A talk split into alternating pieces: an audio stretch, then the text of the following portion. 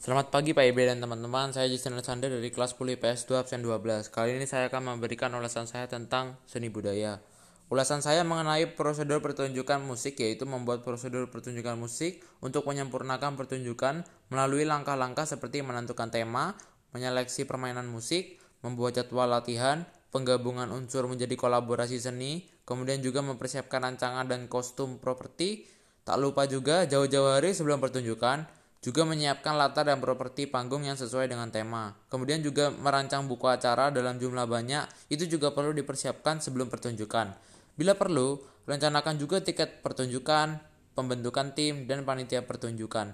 Juga tak lupa menyediakan banyak ruangan untuk dilakukannya pemanasan dan juga mengganti kostum.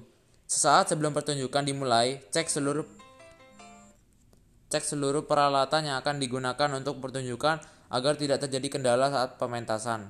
Dengan adanya pemahaman materi tentang prosedur pertunjukan musik tersebut, kita akan memperoleh pengalaman tentang cara-cara yang digunakan untuk menyempurnakan suatu pertunjukan musik, seperti memilih jenis publikasi, membuat buku program, dan membuat tiket pertunjukan.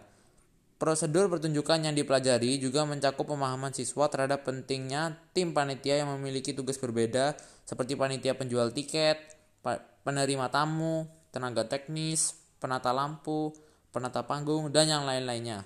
Ilmu pengetahuan yang diberikan pada materi tersebut dapat diaplikasikan melalui pertunjukan musik yang mengkolaborasikan keempat unsur seni tersebut. Sekian dari saya, terima kasih.